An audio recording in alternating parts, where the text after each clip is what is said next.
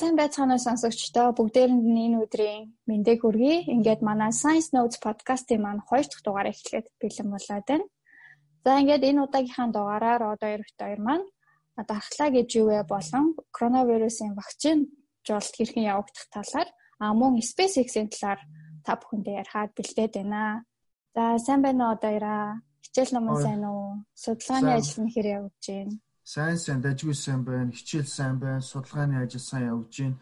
Одоо би чинь Миннесотагийн улсын их сургууль боловсролын ухааны докторийн зэрэг 2 дугаар 2 дугаар курстэй их сурж байгаа. Тэгээд эхний жил өнгөрчлөө. Одоо болохоор докторийнхоо судалгааны ажлын одоо ер нь бол докторийн судалгааг бичиж бол 5 chapter те 5 бүлэг бичдэг. Эхний 3 нь бол бичсэн байгаа. Дараа жилийн 100 гихт бол ер нь бичсэн юм агуулм сайжруулаад тэгээд зөвлөх багшаас сайн зөвлөгөө аваад дээрээс нь IRB гээд тийм одоо газраас зөвшөөрөл авч судалгаагаа явуулдаг. Ер нь бол судалгаагаа их шатандаа л явж байна да. Чиний ажил сайн уу, хичээл сайн уу? Оо, сайн сайн. Би бас яг докторийнхаа хоёр дахь хичээлдээ ороод тэгээд судалгааныхаа ажлын ерөнхий сэдвээ нь сонгоцсон, лабораториа сонгоцсон. Төслөө эхлүүлэхэд бол нэлийн судалгааны ажил унших шаардлагатай байдаг. Тэгээ одоо яг унших шатан дээрээ л явж байна да. За за. За тэгвэл дугаараа эхлүүлэх үү? За тэгье. За ингээд коронавирусын вакцинжилт дэлхийд хэрхэн явагдах талаар ярихаас өмнө хүний тархлааны систем гэж юу вэ? Энэ талаар бас ерөнхий мэдээлэл өгье гэж бодож байна. За хүний тархлаа маань хүний биед орж ирсэн гадны биед нэм бактерийг таньж өвчлөлөхөөс эхлүүлэхээс өмнө бол устгадаг ийм үүрэгтэй байгаа. А гэхдээ бид нар дархлааны системийг ганцхан ганц дангаараа одоо гадны биетийг таньж илрүүлдэг гэж ойлгож болохгүй. А хүний бараг л бүх эсүүд бол гадны халдвар нэм бактерийг бол таньж тархлаанд маань одоо мэдээлэх юм чадвартай байдаг. За ингээд тархлааны системийг ерөнхийд нь болохоор маш олон хороо цэргүүдээс, зохион байгуулалттай хороо цэргүүдээс бүрдсэн юм айрам гэж үзэж болно. Тэгээд тухайн хороо цэрэг тус бүрэн одоо өөрсдийн гэсэн нэм бактери эсрэг товтлогооны техник, механизм, тактиктэй бол байдаг. За тэгээд хүний бие талдуур орж эхэлснээс эхлэнгүүд одоо дархлаан маань бол эхний хариу уруулыг бол үзүүлж эхэлдэг.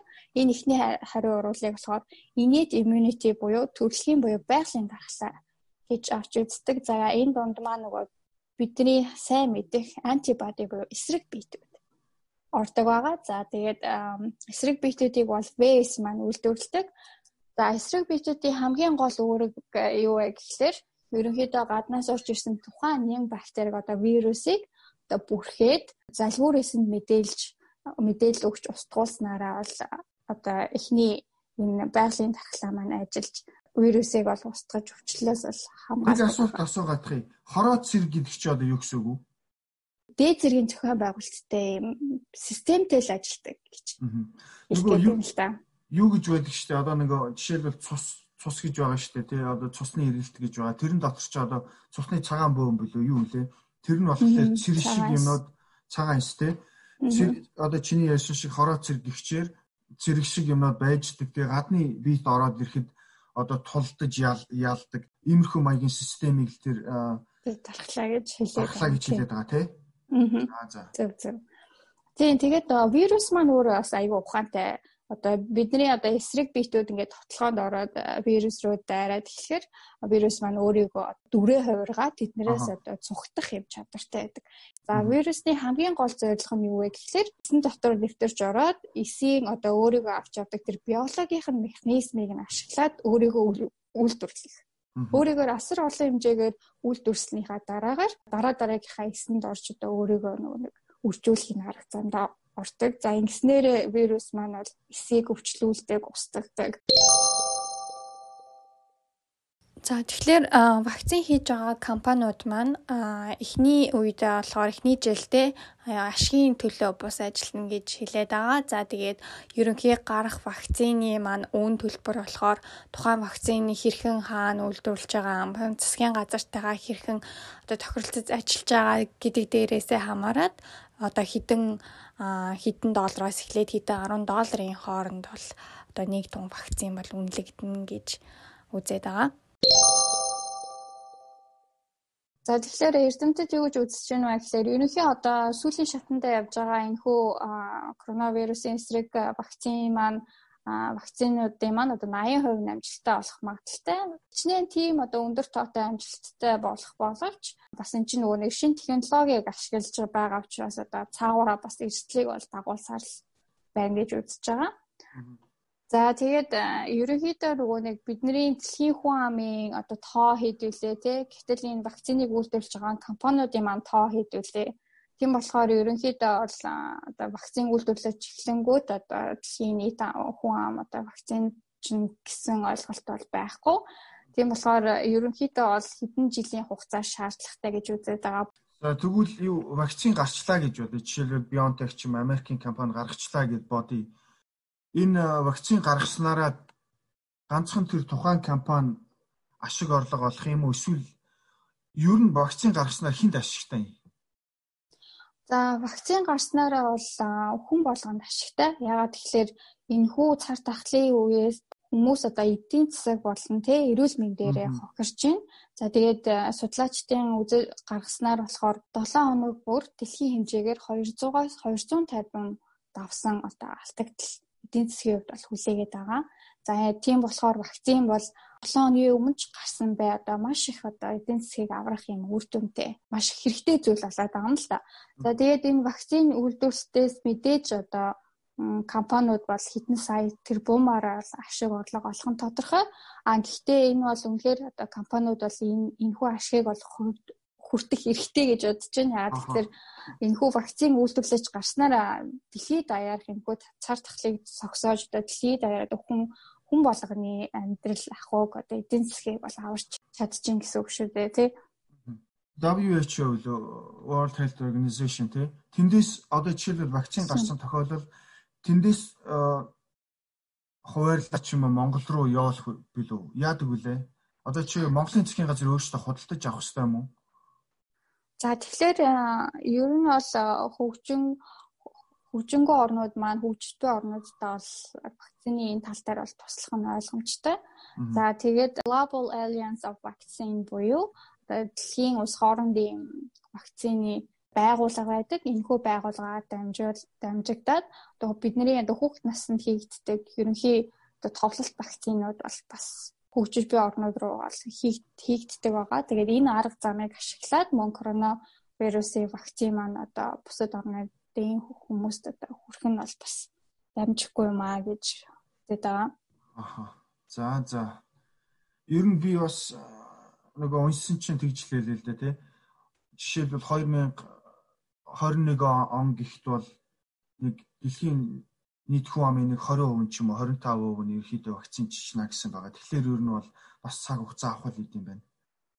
Тийм одоо судлаачид болохоор 2021 оны төгсгөл гэхэд зөвхөн одоо дэлхийн хүн амын тий 2 тэрбум хүнийг бол вакцинжуулж дуусна гэсэн судалгаа байгаа. А энэ гэхдээ бас айгүй өрөөсгөл тустай. Ягаад тэгэхээр нэг хүнд одоо нэг тун вакциныг тариад дархлаа тогтчихно гэсэн ойлголтоос биш шүү дээ тий. Зарим хүмүүст нь болохоор нэгээс илүү, хоёроос илүү тун бол шаардлагатайгаа дархлаа тогтоохын тулд тэгэхээр одоо ерөнхийдөө нөгөө 2 тэрбум тоо маань одоо 1 тэрбум руу бууж байна. Тэгээ 1 тэрбум хүн маань одоо дэлхийн одоо хүн амын одоо хэдэн өдөн ч хүрэх тоо байгаа шүү дээ. Тэгэхээр яалтчгүй л одоо хэдэн жилийн одоо хугацаа бол шаардлагатай дэлхийн нийтээр вакцинжилж дуустлаа. За за тэгвэл ер нь бол тэр herd immunity гэдэг тэр сэдв бол ер нь бас чухал байгаа юм байна да. Тэгээ ер нь бол дараа дараачийн сэдвэр тэр талаар ярил зүгээр юм байна да тий. Сүүлийн асуудалтыг асуучих дараачийн сэдврүүгээ шилжихээс өмнө одоо Америк ч юм уу тий Монголч бас бас сонсч байсан. Зарим хүмүүс ерөөсөө вакцинд итгэдэггүй тий. Вакцин одоо эн чин хор одоо вакцин авсан вакцин хийлгэснээр одоо янз бүрийн өөр төрлийн өвчин тусдаг одоо нөгөө канцер тусдаг энэ төр гээд яагаад ер нь тий олон хүмүүсийн вакцинд итгэхгүй тийм хандлагатай байна. За энэ хүү вакцинд идэхгүй хандлага нь одоо энэ удаа ихсэх нь угаасаа ойлгомжтой. Яагаад тэгэхээр үнэтэй судлаачид маш богино хугацаанд энэ хүү коронавирусын шинэ вирусын эсрэг вакциныг гаргаж авч байгаа. Тийм болохоор одоо судалгааны ажил маань хэр явагдаж байна маш их юм эрчимцэн байдлаар хийгдэж гарч байгаа учраас энэ хүү вакцинд одоо хүмүүсийн ихтгэл найдвар нь бас хэдөө байх уу те. Аа тэгээд мөн шашны гаралтай вакцин хийлгэх сонирхолгүй хүмүүс ч байна. Гэх мэтчлэн ард иргэдийн дунд одоо вакцины талаар маш эргэлзээ төрж байгаа учраас одоо зарим хүмүүс бол вакцин хийхээс бол татгалцсан хариу өгч байгаа болов гэж бодож байна. За жишээнд чи бол одоо вакцин гарсан тохиолдолд хийлэх үү? Би хамгийн түрүүнд хийлгэн штэ боломжтой бол. Аха. Би бас ер нь бол хамгийн түрүүнд хийлгэх юм гэж бодож байгаа. Ерөнхийдөө яг компаниудын хийж байгаа судалгааг судалж үзэж байгаа учраас ер нь бол угаасаа нөгөө юг төглөө silver bullet вакцин гэж угаасаа байхгүй гэдэг байгаа шүү дээ. Ямар нэгэн хэмжээгээр бол side effect гэж ярьдаг жоохон халуурах ч юм уу те одоо баг зэрэг тийм аа сөрөг талын нөлөө үзүүлэх болох. Гэхдээ энэ шин маск зүгээд байнга яваад яваад байлтаа нэг нэгдүгээр хоёрдугаарт одоо антибоди өөртөө тогтоохын тулд заавал вакцин хийх ёстой болоод байна л да тийм ээ.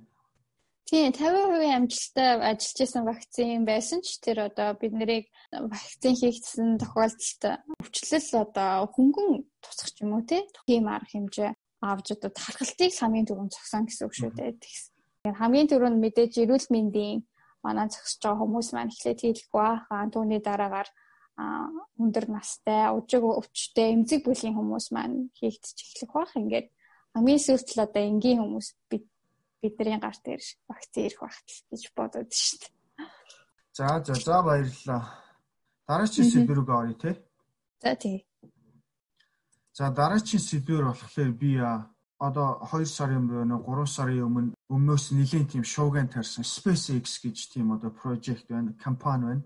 За SpaceX гэдэг нь болохоор Америкийн сансрын пуужин үйлдвэрлэгч бас сансрын тээврийн үйлчилгээний компани байна ер нь чи сансрын тээврийн үйлчлэгийг сонсч ирсэн. Одоо эн чинь сансрын тээвэр гэж байгаа шүү дээ. Агаарын тээвэр биш. Харин сансрын тээвэр гэхлээр миний толгойн хамгийн түрүүнд бууж байгаа юм гэхлээр одоо бид нэг сансар гэдэг юм аялах чадвартай одоо сансар гээд гараад нэг кофе уугаад суунгаа гахыг ажиллах ажиглах ч юм уу тий. Ийм болох юм бол гэж бодоод тийм шүү. Яг чиний бодож байгаа чинь зөв байна. За энэ SpaceX гэж Америкийн компани байгаа юм байна.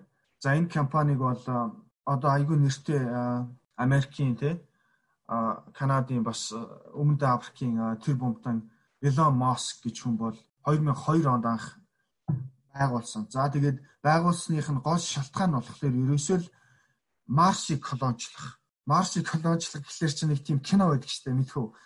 Марсыг колоничлсан ч юу лээ. Марсыг аварсан ч илүү Ерөөсөө манер хүүхд байхасаа ч юм уу те ийм sci-fi кино ном унших дуртай хүн байж л те. Тэгээд яванда 2001 онд тийм Mars Mars Oasis гэж ийм төсөл байсан юм байна л да. Энэ төсөл нь болохоор тийм greenhouse gas гэдэг байгаа шүү дээ тий. Одоо ийм хүлэмж хүлэмжийг Марс дээр ч юм уу өөр ийм гариг дээр одоо баг усыг зарцуулаад UV light гэдэг байгаа шүү дээ тий. UV light-ны доор хэрэгцээтэй ургамал ургуулах, хөрш, бордоо гаргах тийм төслийг олж уншсан юм байна. За тэр төслийг олж уншаад ер нь Марс Марс руу явъя, Марс дээр хүн гаргая.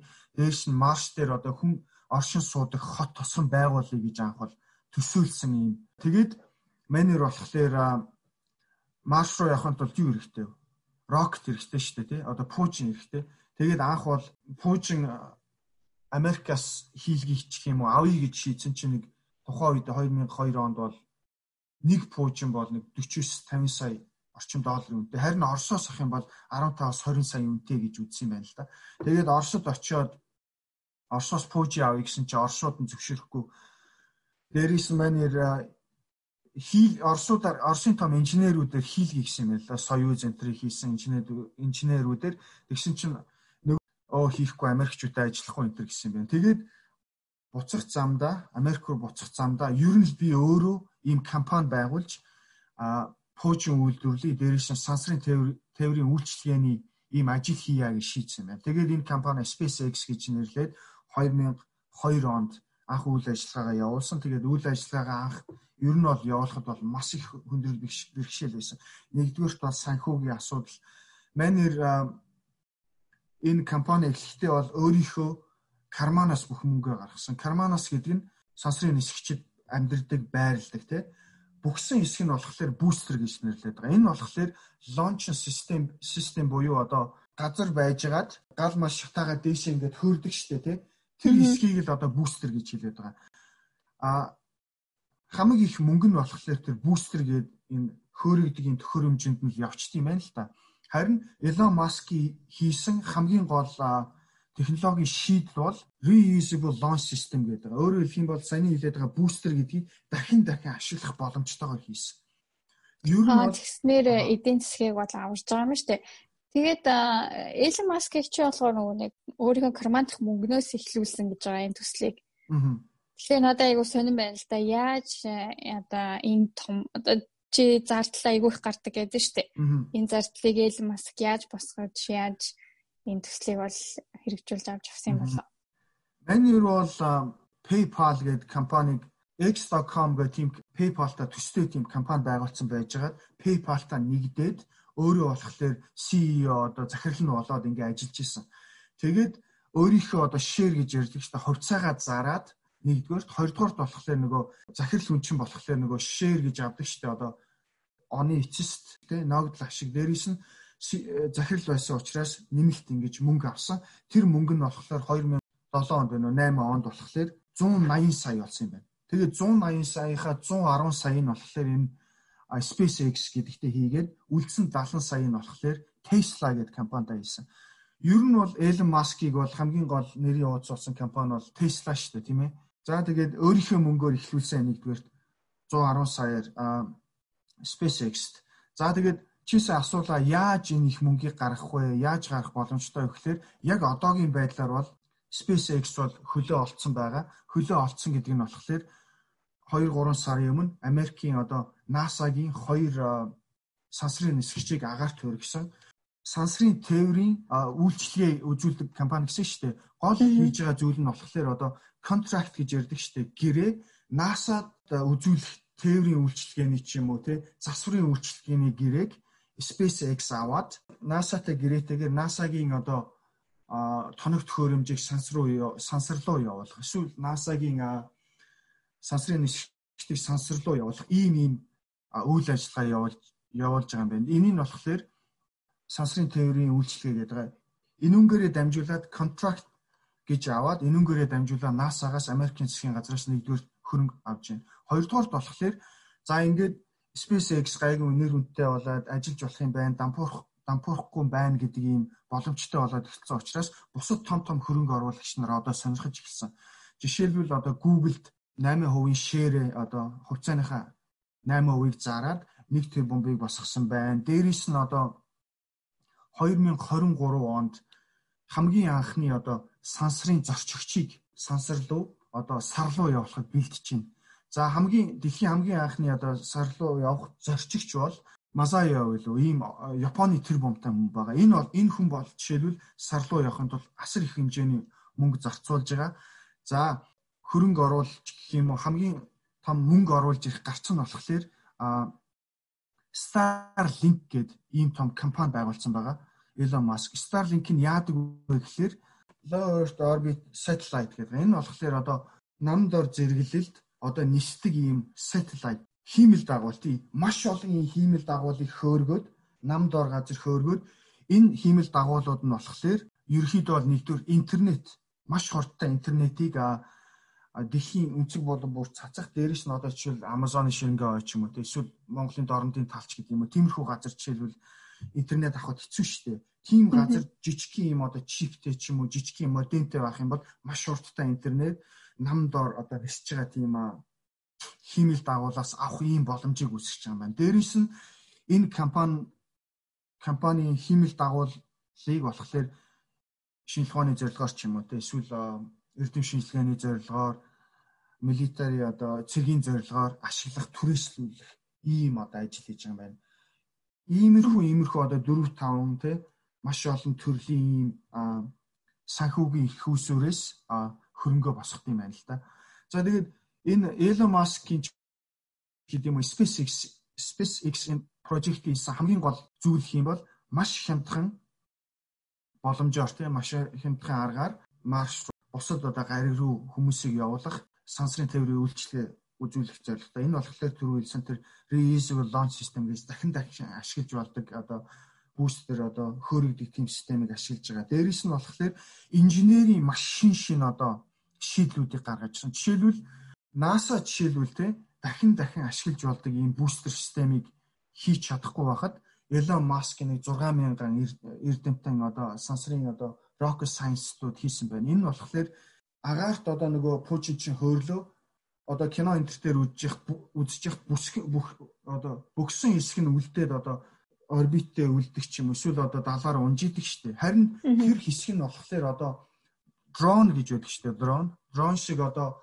яг ингээд өөрөө удирдаад компьютерийн системээр удирдагдаад одоо ингээд босоогоор одоо landing pad гэдэг pad гэдэг байгаа шүү дээ. Яг ингээд газар дах тийм газарт ингээд буудаг тийм шин систем хийсэн. Энэ нь болохоор баг хамгийн анхных болсон. Дээрээс нь шин шин төрлийн пуужингуудыг хийсэн. Жишээлбэл одоо Falcon 9 гэдэг хуучин бол нэг рокетоор одоо нисдэг байлаа гэж бодъё л доо тийм нэг пуужингаар гэтэл Falcon 9 болохоор 8 одоо 9 одоо пуужин хөөр гэдэг. 9 пуужингийн хүчин чадалтай тийм 9 бустертэй гэсэн үг. Тэгэхээр одоо сансар руу одоо тээвэрлэлт хий юм зөө ихэд бол асар их одоо ачаач юм уу тийм юмыг зөөх боломжтой болж юм. Дээрээс нь одоо Falcon Heavy Booster гэдэг одоо хамгийн сүүлд ашигласан одоо NASA-гийн эрдэмтдийг олон улсын нөгөө сансрын станц руу явуулахад ашигласан ийм Falcon Heavy Booster гэдэг байгаа. Энэ болохоор төрүүний саяны хэлсэн нөгөө 9 рокетыг чинь 3 дахин нугуулсан хэмжээний 9.327 ийм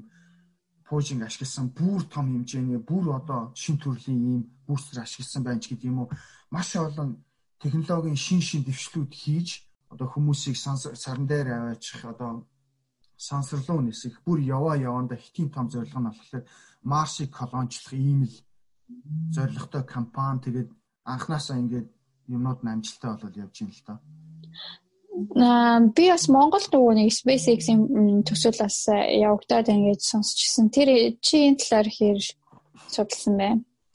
Би тэр зүгээр SpaceX-тэй ч юм уу тийм camp сар руу явахын тулд ч юм эсвэл өөр гариг руу явахын тулд одоо тренинг одоо тэр сартай ч юм уу тийм Марсын агаартай орчинтой төстэй тийм газар хэрэгтэй одоо тренинг төвшөлт явуулах ч гэдэг юм ийм газар хэрэгтэй байд юм байна л та. Тэгээд янз бүрийн Сауди Араб, Марав ч гэдэг юм янз бүрийн газарт хийдэг.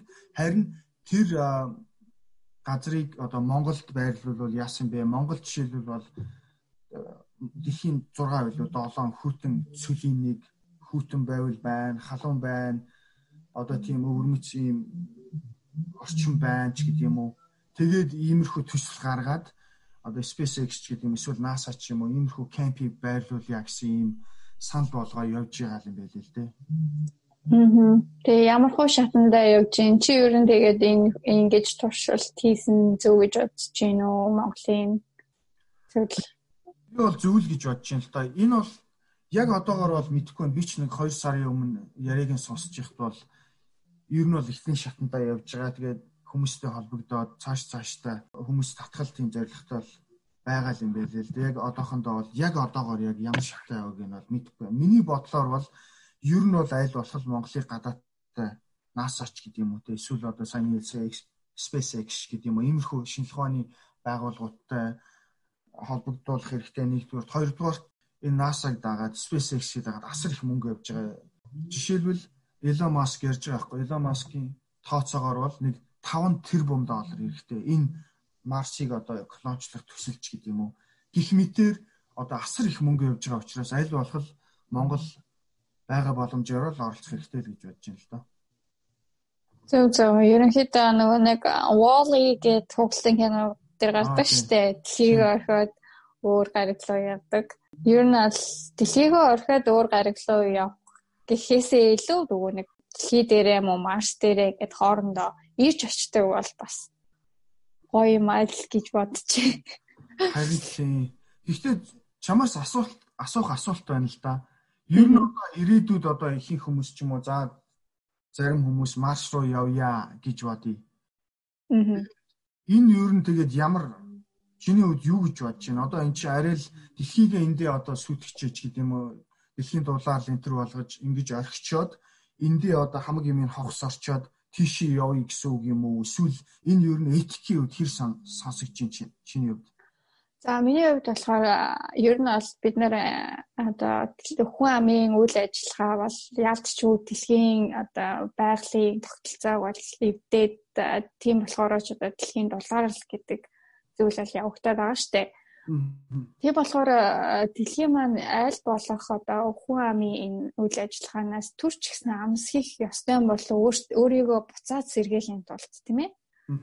Тийм болов гэж бодож байна. Тийм болохоор дэлхийдээ жоохон амрах хугацаа өгөхийн тулд сүйтгэж эвдээд нөгөө гариг руу очих биш. Аль болох дэлхийгээ аврахын тулд тэрнийг одоо яг байглаар нь авч сэргээх цаг хугацаа өгөхийн тулд бид нараас бөөнөрөө марс дээр нэг төр очиж амраад тэгээ буцаад дэлхийдээ ирвэл бас гоё юм аа гэж бодчих юм нь бол нэлээ ирээдүйдтэй. Тэгвэл надад бас нэг өөр асуулт байна. Тэгвэл өөр нэг одоо Blue Origin гэж одоо компани байна л да. Энэ болохоор Jeff Bezos гэдээ мэдэн штэ тийм ээ одоо Amazon компани захирал энэ хүний одоо анх санаачилсан байгуулсан 2000 онд байгуулсан компани байна л да. Энэ болохоор энэ компани хамгийн гол зорилго болохоор сар сарн дээр одоо тоног төхөөрөмж ч юм уу энэ кемп байрлуулах. Тэгээд сарнаас сарн дээр байгаа одоо ашигт малтмал алт гэдэг юм уу те янз бүрийн зүйлүүдийг дэлхийр үзөөх. Өөрөөр хэлэх юм бол сарыг бол колон болгож ашиглана гэсэн байгаа байхгүй? Тэгээд бас яг SpaceX-тэй адилхан одоо сансрын тээврийн үйлчлэгээ ч юм уу те өөртөө бас юм хуучин энэ төр зохион бүтээх гээд явж байгаа. Гэхдээ эхний орлогоудаа хийгээ явж байгаа. Яг SpaceX-ийг бодох юм бол арайжхан удаашралтаар явж байгаа юм байл л дээ. Тэгвэл энэ дээр холбогдуулаад асуухад за тэгвэл Марсаа болчих гэж бодъё.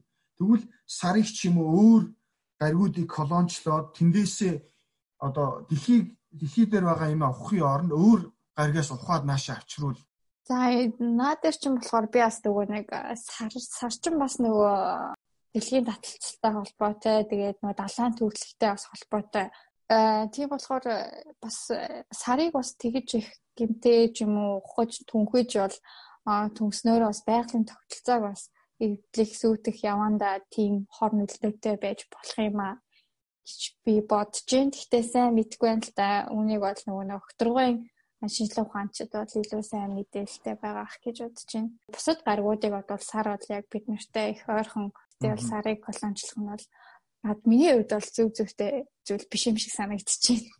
Гэхдээ ингээ бодоодсон чи энэ хүн төрлөختөн гэдэг чи ямар гэж усаад үү те аль болох ашиглалыг ухъя одоо байгалийн баялагийг авъя тэгээд эндээ дуусарчаад өөр газар руу яваад ашиглая гэсэн ийм бодолтой усаад үгүй юу? Харин тийм тэгэхээр бид нар жоохон амс хийгээ те ер нь байгальтлыг яаж аварчулдах вэ талаар бол бодох хэрэгтэй. Тэгээ хүн болгон бас шинжлэх ухааны тодорхой мэдлэгтэй байх хэрэгтэй юм болов гэж бодож байна.